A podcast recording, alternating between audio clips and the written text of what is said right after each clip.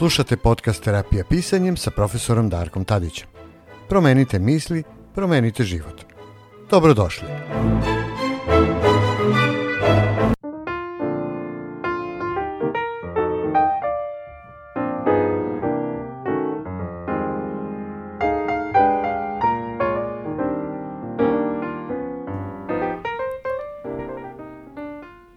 Sa nama je danas e, gost, odnosno sa mnom je danas gost u emisiji podcastu terapijskog pisanja Jelena Holcer, moja draga prijateljica i e, da kažem uslovno rečeno koleginica. Ja nisam terapeut savjetnik u smislu kome Jelena jeste, ali se često dodiramo raznim temama i danas je e, pala odluka da pričamo o tome kako kreativnost utiče na mentalno zdravlje. Znači, kako Brojne kreativne aktivnosti koje čovjek može da radi u životu mogu da značajno utiču da poboljšaju njegovo mentalno zdravlje.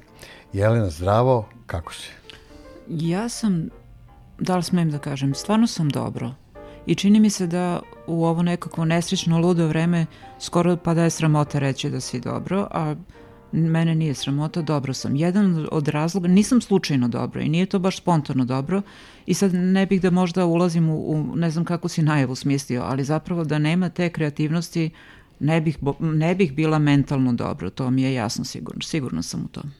Da, u pripremi za današnji razgovor kada smo pričali, eh, ja sam napomenuo da bi volao da pričamo dve zapravo grupacije tema u okviru ove teme kreativnost i mentalno ili duhovno zdravlje, kako ja često volim više da kažem. E, jedna je zapravo da svaka kreativna aktivnost, pisanje, čitanje, vajanje, slikanje, pravljanje muzike, e, pletenje, što god, Um, psiholozi su dokazali e, i brojne studije su dokazali da mogu jako dobro i jako pozitivno da utiču na mentalno zdravlje, to je s jedne strane, čak i na tom neurološkom osnovu da ne idemo šire i dalje, a sa druge strane uh, te takozvane duhovne ili filozofske ili moralne, kreativno pisanje, čitanje, recimo i čak slušanje muzike, može poprilično da nam pomogne u neko, da tako uslovno kažem, razumevanju sveta, osvešćivanju sebe, i nekom našem ličnom rastu i razvoju.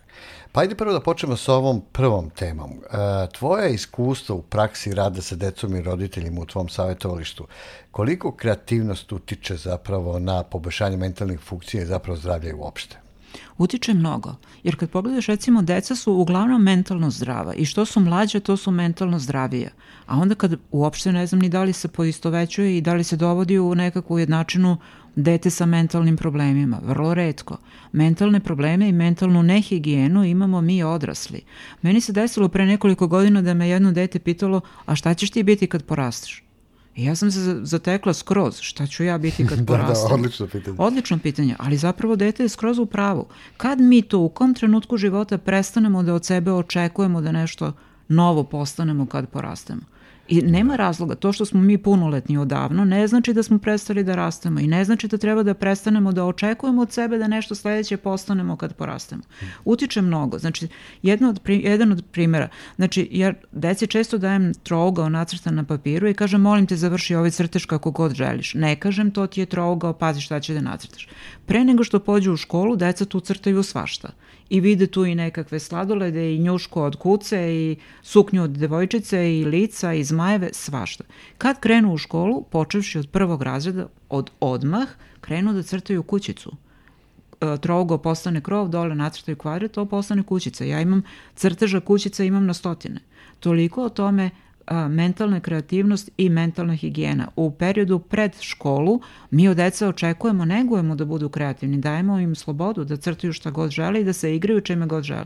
E kako krenu u školu, tu krenu i te naše um, ograde i ograničenja i pravila, ne može da crtaš nebo žutom bojom, pa znaš li koja je boja nebo i čim krenemo da gušimo dečiju kreativnost, ja mislim da tu već postaju prvi neki znaci mentalnih problema. Da, ono što sam hteo da te pitam jeste da sam negdje naišao na neke studije koje su uh, govorile o tome da baš to što si rekla, da zapravo u tom nekom ranom uzrastu ta se kreativnost dopušta, da tako kažemo čak i nego i postiče, ali onda od jedan put, znači tokom odrastanja, eto, počeš od osnovne škole pa sve više i više, tokom života mi zapravo zaboravimo da budemo kreativni. Znači, potpuno prestanemo da budemo kreativni, nešto se tu desi. Znači, krenu um, pritisci sredine, krenu trka za zaradom, za boljim životom, uh, za ne znam se čime i tako dalje i tako dalje i odjedan put kreativnost iščezne iz velikog broja ljudi. Kako na to gledaš?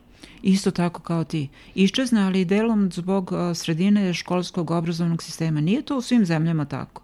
Da mi slučajno živimo u nekoj drugoj zemlji, naša bi deca obožavala da idu u školu postoji čitav i skul, škola kao druga kuća. To je čitav pokret koji se u svetu razvija i deca više vole da su u takvim školama nego da sede u kući. To su kućne škole koje izgledaju kao kuća sa tepisima, sa lazy bagovima, gde oni biraju šta će da rade, gde imaju svoje vršnjake, svoje društvo.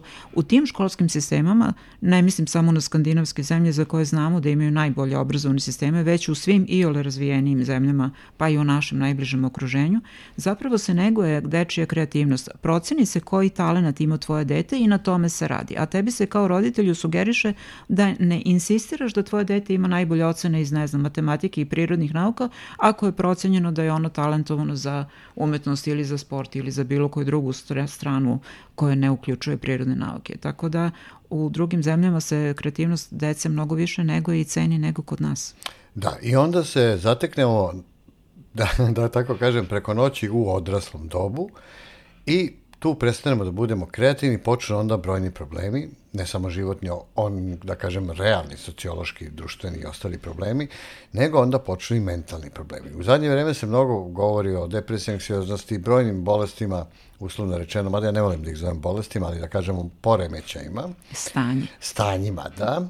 Ovaj, gde zapravo uh, ljudi bivaju uhvaćeni neku klopku života i nikako ne mogu da se iščupaju iz takvih mentalnih stanja. I onda se dešava da se neki od njih vraćaju kreativnosti kao lekovitom procesu ozdravljenja i ponovog vraćanja životu. Ja sam na nekom mom ličnom primjeru to uspeo da vidim i da se potrudim da ga, i još uvijek se trudim da ga uh, živim tako, znači da probam da živim kreativno. Kako ti gledaš recimo i tvoje lično iskustvo, ali iskustvo recimo, ajde sad da malo pričamo i o roditeljima e, koji dolaze. Da li tu vidiš neku razliku kreativnih roditelja u odnosu na one koji nisu? Tvoje neka istraživanja lična o tvojoj kreativnosti, kako gledaš na tu priču? Što su roditelji otvoreni i kreativni, otvoreni, ajde to tako da zovemo. Što su oni otvoreni i to uh, povećavaju šanse i za neko lično samo ozdravljenje, a automatski i za ozdravljenje svog deteta. Ali sve te kreativne tehnike koje si ti pomenuo od slikanja, crtanja, pa sve do vajanja, ne znam, sve to, recimo u dnevnim bolnicama u Palmotićevoj, u Lazu Lazareviću, tamo gde idu, to su odeljenja za mlade, za adolescente, za tinejdžere, tamo se to radi. Znači, to su kreativne aktivnosti koje se preporučuju sa, za decu koji imaju određenu vrstu mentalnih problema. E sad ja razmišljam, ajde da to radimo svako od nas sam za sebe pre nego što dođemo u to stanje da završimo u nekoj od takvih ustanova. A zašto ne radimo? Izvini? Zašto to ne radimo sami? Ja mislim da su ljudi to nekako skučeni, misle da to nije potrebno, mislim, misle da to nije važno. Ja u proseku jednom dnevno pričam sa roditeljima na, na temu zašto oni ne primećuju određene probleme kod svoje dece koje primećujem ja. Zašto ne primećuju? Zato što ne žele da ih primete, zato što je previše bolno. I onda ignorišući te, pre, pravim se da to ne postoji. Guram to po tepih i ako dovoljno duboko gurnem, onda to ni ne postoji i onda to idemo dalje, znači iz dana u dan, a ona planina pod tepihom samo raste. I to je onda do, ide do te mere dok nekom, u nekom trenutku dete ili odrasla osoba ne dođe do tog nivoa da više nema gde da se gurne. E onda tu dolazimo do tih ustanova i do tih stvarno problema koje koje više nemamo gde da smestimo osim da se time a, bavimo kroz medikamente i kroz farmakoterapiju što sigurno nije dobra preporuka.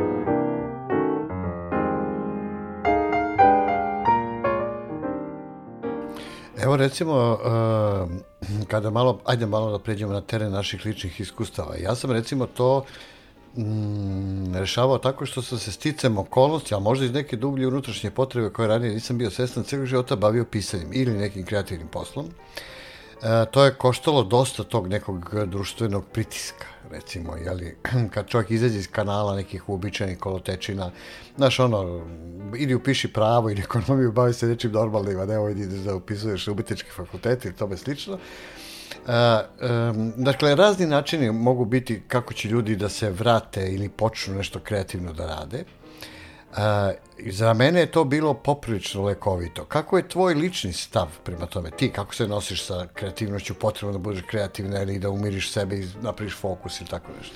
Ja sam odavno odustala od tih ideja da treba da zadovoljavam nečije tuđe očekivanja, pošto sam shvatila da mi je veliki problem već da zadovoljim sobstveno očekivanje. I ponekad kad se osjećam pritisnuto da imam recimo 100 obaveza dnevno, a da nisam spremna da nemam toliko kapacitet, nemam toliko snage u danu da baš obavim svih tih 100, e onda se setim i kažem ne, ne, onda, su, onda ću zapravo više da se bavim sobom. Zapravo obrnuto proporcionalno. Što više imam obaveza s polja, to imam veću potrebu da se zatvorim u sebi i da se više bavim sobom. A bavim se sobom radići šta? Tako što nešto meditiram, nešto crtam. Ja dosta crtam i dosta pišem koješta, onda shvat, shvat, da li je sad to kreativno ili ne, skoro da meni ne zanima, ali volim da eksperimentišem u pravljanju različitih jela. Uopšte mi nije bitno da li se to zove kreativno ili ne, ali meni čini da se osjećam dobro u tom trenutku. Zapravo šta je kreativnost? Možemo to da posmatramo veoma široko. Sve što mene čini da se osjećam dobro u tom trenutku, a što ne zadire u prava nekog drugog, nego je u okviru mog emocionalnog, mentalnog, duhovnog, fizičkog tela, to mislim da je dovoljno dobro. E, prošle godine kada je bilo ono sva što smo nešto radili online i kada su bili karantini i lockdowni, Ja mislim da dobar deo tog vremena sam ja provala na mojoj terasi koja je valjda najmanja na svetu i sedela sam i crtala i po ceo dan i meni je to bilo dobro. Imala sam slušalice na ušima i nisam imala pojma šta se dešava s polja. Slušala sam neku muziku, crtala sam. Nisam ja nikada neki, neki veliki crtač, nemam nikakvog likovnog obrazovanja, ali ne vidim da bi to trebalo da mi bude prepreka da to ne pokušam da radim ako me to čini smirenijom, zadovoljnijom zašto da ne? Znači, praktično, neke od tih kreativnih aktivnosti ti svakako radiš stalno. Često. Ja to radim stalno, da. Da, ne želim da zvuči kao samo reklama, ali ja sam napisala silne neke knjige uglavnom zato što sam htela to što mi je u glavi da predučim, pretočim u nešto što ostavlja traga i tu ima dosta kreativnosti. I jesu to knjige vezane za moju oblast, ali takođe da ne beše tog lockdowna prošle godine, pa da li misliš da bih ja imala dovoljno koncentracije, dovoljno strpljenja, snage, kreativnog nekog potencijala da te neke stvari pretočim u jednu novu knjigu koja je izašla pre nekoliko meseci prošle godine su već. Da, to je očigledno ovaj, jedan od dobrih puteva da se čovjek, eto, sticam okolnosti, ne samo sticam okolnosti, nego stvari da se bavi sobom, nekada nam te profesije, eto i moje tvoja, omogućavaju da se time bavimo i to je neka srećna podudarnost. Opet postoji veliki broj ljudi koji se bave nekim sasvim drugačijim vrstom posla, ali opet nađu vremena i za svoje hobije, najčešće ili kreativne hobije, rekli smo valjanje, vezanje, pletanje, bavanje muzikom, folklorom, bilo čim, znači, i to je zapravo jako lekovito u toj celoj priči, znači da im tu neophodnu ravnotežu, što su te brojne studije i dokazale, zapravo koliko je benefit cijalno imati takvu neku aktivnost stalno mm. u životu da nas drži u nekom balansu.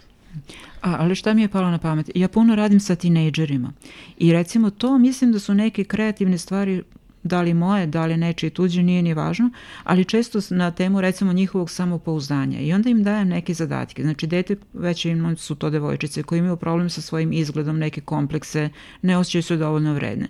I ja kažem, ajde da mi nastaviš recimo rečenicu zašto ne volim sebe, da mi navedeš 50 razloga za to. One ne mogu da se sete ni pet. Ali na prvu loptu sve kažu da ne vole sebe, ne vole kako izgledaju, kako se osjećaju, nemaju ovu onu osobinu, svašta nešto sebi zameruju. Ja mislim da je to kreativni zadatak sa moje strane, da im tako nešto ponudim. A njihovo ispunjavanje tog zadatka opet jeste kreativan kao neki feedback koji oni čine za sebe jer time što ne mogu da mi navedu ni pet, a kamoli 50 razloga zašto ne vole sebe, to jeste neki, po, neki put da i one osveste to koliko je ta njihovo nerazumevanje i neprihvatanje sebe zapravo iracionalno, koliko nemaju razloga za tako nešto. Tako da, da mislim da je to obostrano kreativno. Sa moje strane inicijativa, yes. a i njihov odgovor jeste osim što je kreativno za, sa njihove strane i neki vr, vid samo spoznaje. Da, i to, me, to nas polako dovodi na ovu drugu grupu ti sama znaš koliko smo pričali i moja praksa sa klijentima u mojim radionicama kreativnog pisanja i ne samo kreativnog, nego i terapijskog pisanja su upravo ovakve brojne neke vežbe koje nas zapravo vode ka toj komunikaciji e, sa samima sobom. Mm. U ovom slučaju konkretno to je reč o terapijskom pisanju uh, i to je zaista kreativno. Uh, prosto nagoni čoveka da misli, znači da malo više promišlja, da dolazi do neke, neke emotivnog pročišćavanja, ne samo racionalno, nego to je jedan, jedan jedinstven proces koji ide jedno i drugo. To nas dovodi do, do teme koliko zapravo pisanje, čitanje, gledanje filmova, drama, serija, konzumiranje zapravo tih nekih kreativnih sadržaja, ne samo stvaranje, nego i konzumiranje, koliko zapravo a, ima istinu u tome da je umetnost katarzična, znači da ona prava dobra umetnost, prava dobra drama, neka dobra knjiga, serija, film koji gledamo ili napišemo mi sami pesmu ili priču, koliko to može emotivno da nas pročisti, zaista? Ja sam sigurna da može mnogo, mnogo, mnogo. Svaka dobra knjiga nas menja. Svaki dobar film nas menja. Mi iz toga možda nismo svesni, ali to jeste tako. Ja ne znam recimo šta sam juče doručkovala, sigurno mi treba neko vreme da se setim, ali mogu sad ovog trenutka da ti navedem svoje omiljene filmove kojom rečenicom počinju. Mogu da ti sad ispričam nekoliko pesama koje znam na pamet. Zašto ih znam na pamet? Pa sigurno nisam sedala i učila ih na pamet sa idejom da ih zapamtim na pamet da bih tebi u nekom više prijateljskom ili ne znam kakvom razgovoru u podcastu nešto sad bila jako pametna. Nego ih znam na pamet jer su se urezala u mene, značile su mi, volim ih.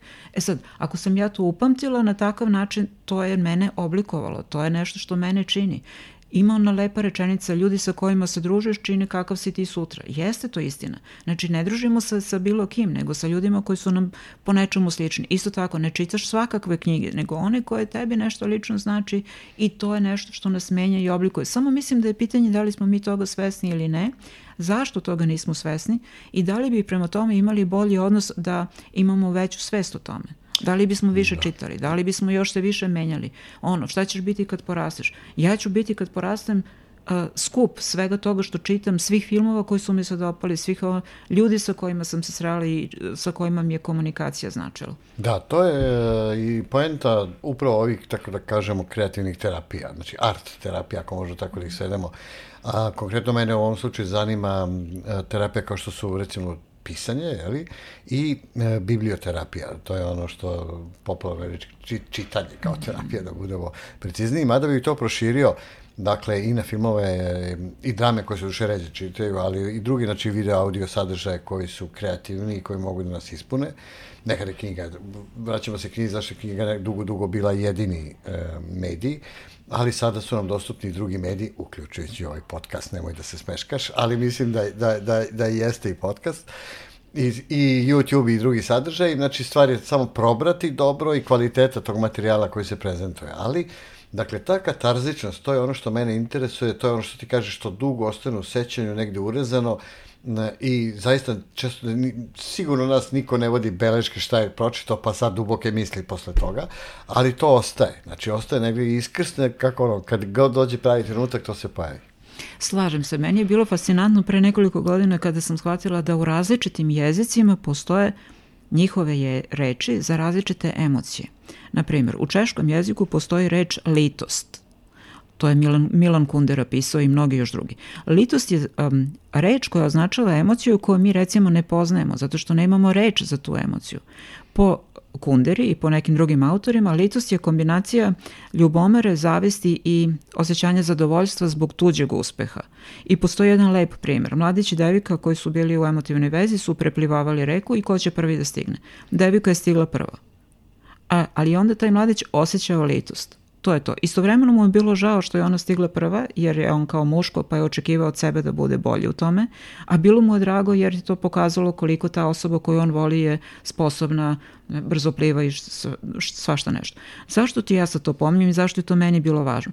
Zato što mi je to razjasnilo da mi možemo da osjećamo različite stvari koje ne možemo da imenujemo, jer u našem jeziku ne postoje reči za te emocije. Meni je ta jedna sekvenca značila mnogo pročitala tamo negde i zadržala mi se za ceo život. Tako da mislim da to znači um, to, kreativno jeste, a pomaže mnogo, oblikuje nas značajno. Kad pomeneš pisanje, meni je odmah padio na pamet dve forme pisanja, jedna je dnevnik, jedna je pismo. Kada pišeš dnevnik, to znači da pišeš šta god ti pada na pamet. Pišeš i to je, imam utisak da ljudi kada ispišu šta god je njima važno, da li su to događaj, da li uh, opisi nekih razgovora, da li šta su videli, čuli, pročitali, kako su proveli dan, kao da iz sebe istovare nešto što ih je pritiskalo. Kao da posle dnevničke beleške ti izađeš rasterećenije. Vola bih da se nekako meri fizički, čini mi se da bismo imali manju kilažu posle postoje, takve. Postoje, to, samo izvini što te prekiram, da brojne istraživanja su pokazale da vođenje terapijskog dnevnika, dakle, ima ogromne kumulativne efekte na, na ljudsku psihu, na zdravlje mentalno. E, to sam baš i pomislila. I druga forma pismo, znači svaki put, ja to puno pričam svojim klijentima i deci i odrastima, svaki put kad imaš nešto što ne možeš nekome da kažeš u lice, neprijatno ti je, stite, krivica, bog zna, ko zna kojih razloga, napišeš mu pismo. Ne moraš to pismo nikada da mu daš. Uopšte nije u tome stvar. Ali napišeš da bi sam sebi razjasnio neke stvari i da u kontaktu, sle, u živom kontaktu sa tom osobom sledeći put ti izađeš nekako pročišćeniji, sa nekakvim filterom, izađeš sa bistrijim mislima, jer si svašto nešto napisao u pismu. Tako je. Tako da to, je, to, to znači su zapravo mnogo. da i ključevi u terapijskom pisanju, upravo to. Znači, e, probistravanje kognicije mm -hmm. i emocija, znači da. razuma i emocija, misli i emocija, I to je upravo na toj liniji zapravo kada polako, i to zapravo stvarno nam menja misli postepeno. Znači, Kako da ne? Znači, taj način obrazce mišljenja koji smo imali, znači, oni su neprekidno menjaju, naravno, kao kod svih ljudi, jeli? ali sigurno i duboko verujem u to da se menjaju pozitivno. Znači, što više se okružimo tim pozitivnim iskustvima, dobrim pričama, dobrim filmima, storytellingom, pripovedanjem mm. dobrim, to polako, polako menja i naš stav. Znači, Sigurno. Pa pazi, znači, ja verujem u ono da smo mi svi kombinacija emocionalnog, mentalnog i emotivnog i, i fizičkog tela, što u prevodu znači da sve to, svako od tih tela je deo iste celine, što opet znači svaka poruka u tvom recimo mentalnom telu odmah se odražava na druga dva. I ako nešto ne valja u tvom jednom u ta tri dela, to se odmah odražava u druga dva. I svi su isprepletani neraskidivom vezom. Naprimjer, znači, ako ja u ovom trenutku mislim neke stresne misli, mislim kako mi će mi se desiti nešto loše, to je stresna misla koja će odmah da uzrokuje da se i osjećam loše. I obrnuto, ako mislim nešto lepo, znaš ono, kad uveče ljudi legnu pa kažu sebi neću misliti na krokodile i samo to ponavljaju, neću misliti na... I naravno da se osjećaju, osjećaju sve više teskobno, jer upravo na krokodile stalno i misle. Da, da se greč krokodili non ponavlja i kodira kao loša, loša misao. Da. A važi i obrnuto. Ako ponavljaš sebi misliću, ne znam, na ljubičice, onda ćeš na to i misliti. Tako da se onda tako i osjećaš. To je ne, neraskidivo isprepletano. Ne znam ko nas je to ubedio da trebamo voditi računa samo o fizičkom zdravlju, a da kao mentalno i emotivno ne postoji. Postoji emocionalni imunitet o kome niko nikada ne govori a koji je podjednako važan kao i fizički. Znamo koliko somatizacija čini svoje, da ti zbog nekih neprerađenih stvari imaš fizičke tegobe. Zašto se o tome ne govori? Mentalna higijena, važno je koliko i, i fizičko zdravlje, apsolutno. Tako je.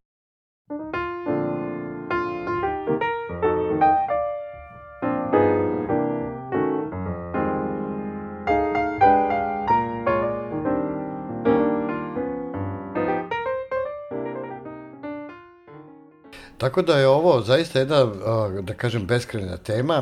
Mislim, drago mi što smo ovde načali malo te priče i možda prosto da podstaknemo i našeg slušaoca da on to porazmisli o toj priči, da vidi sam proba da proceni koliko je kreativan, da li može da bude kreativan, šta on može da preduzme za sebe da stvarno bude kreativan. Da, ako nema vremena, ako misli da radi neki dosadan posao, ako radi stvarno dosadan posao, ako nije zadovoljan, ako ne može da ga promeni iz brojnih razloga koji su naravno često vrlo validni i ne može te promene preko noći da idu, uvek može da odvoji sat vremena preko dana dva za neki svoj taj kreativni hobi, kreativnu radost. Imam ja jedan predlog za naše slušalce. Ne mora možda ni sat ili dva dnevno, ali da se recimo ujutro probude sa pitanjem šta bi me danas radovalo i da to što se sete da bi ih danas radovala, da to pokušaju sebi da priušte. I ja sam skoro sigurna da to čega se sete, da će biti povezano sa nekom kreativnom idejom. Odličan predlog. Uh, Jelena, drago mi što si bila danas sa mnom. Nadam se da ćemo ovaj naš serijal da nastavimo i u buduće ovako sa nekim zanimljivim temama. Uh, vama preporučujem svima koji ste slušali, dakle, budite kreativni, budite srećni, pišite, to vam ja savjetujem, jer, ali moram da vam čitajte. savjetujem, čitajte, da, budite kreativni i slušamo se do sledeće emisije. Jelena, hvala puno. Hvala tebi.